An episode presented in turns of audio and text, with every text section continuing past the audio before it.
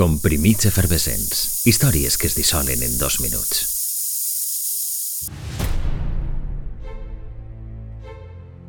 Diuen que es conegueren en el rodatge d'un spot de televisió i que fou un amor a primera vista. Des d'aleshores i durant 43 anys van ser inseparables caracteritzats de les mil i una maneres. Però hi ha amors que es dissolen en aparèixer els problemes econòmics. Un 12 de febrer l'empresa joguetera Mattel anunciava la ruptura definitiva de Barbie i Ken. Russell Arons, vicepresident de màrqueting de la companyia, assumia la difícil tasca de fer-ho públic.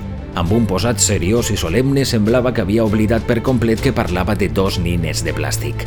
Es confirmava un trencament que se sospitava des de feia temps. Tot i que Mattel va assegurar que la separació era del tot amistosa i que Barbie passaria un temps sense companyia sentimental, hi ha qui apuntava que la veritable raó del divorci era que la nina del somriure permanent havia trobat una nova il·lusió afectiva. En este context va saltar el nom de Blaine, un surfista australià prou més jove que ella que semblava haver-li robat el cor. Però en realitat la raó sincera per la qual Mattel va dur a terme esta maniobra tan arriscada estigui més relacionada amb la pronunciada baixada de vendes de la nina insígnia de la companyia.